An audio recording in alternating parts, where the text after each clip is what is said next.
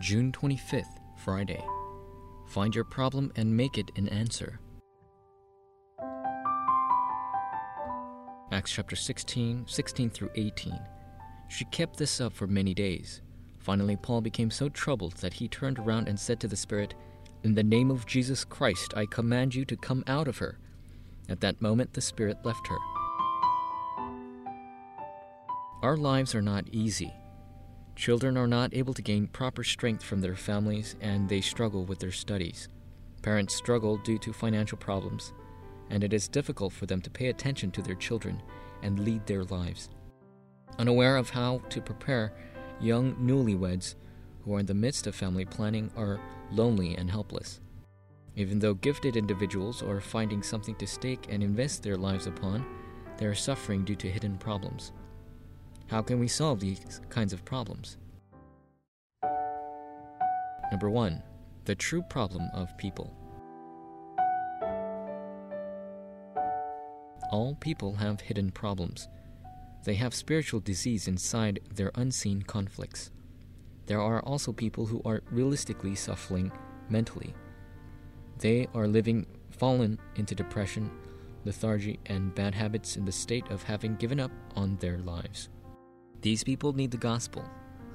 While giving them strength through the gospel, we must give them the solution. This is the evangelist's commission, or our commission, and the reason for our lives. Number two, the greater problem wrapped with lies. People who are inflicted with suffering and are wandering trying to find the answer and seek out fortune telling divinations and idols. They do not do this because they have a lot of money, but because they do not know the future and are frustrated. We must correctly share the gospel to people who are wandering. When people face hardship, they ultimately have no choice but to come to church. We must approach them with the gospel, understanding their hurt and suffering.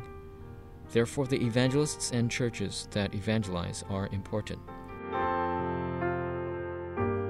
Number three, my problem.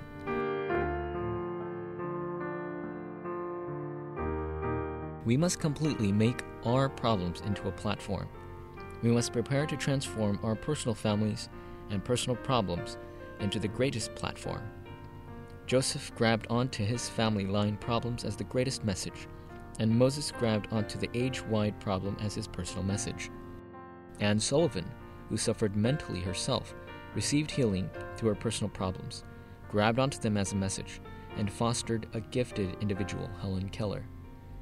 What answer is hidden inside this problem? Try starting deep prayer. In addition, we must go one step further and save our future descendants who are in the midst of problems.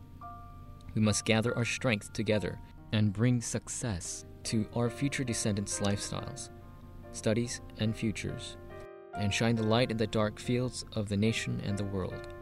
For the sake of this, we must be able to make all things into the platform of answers. Forum topic What are the hidden problems I possess? Try praying and meditating, connecting the word given to me with the problems I have.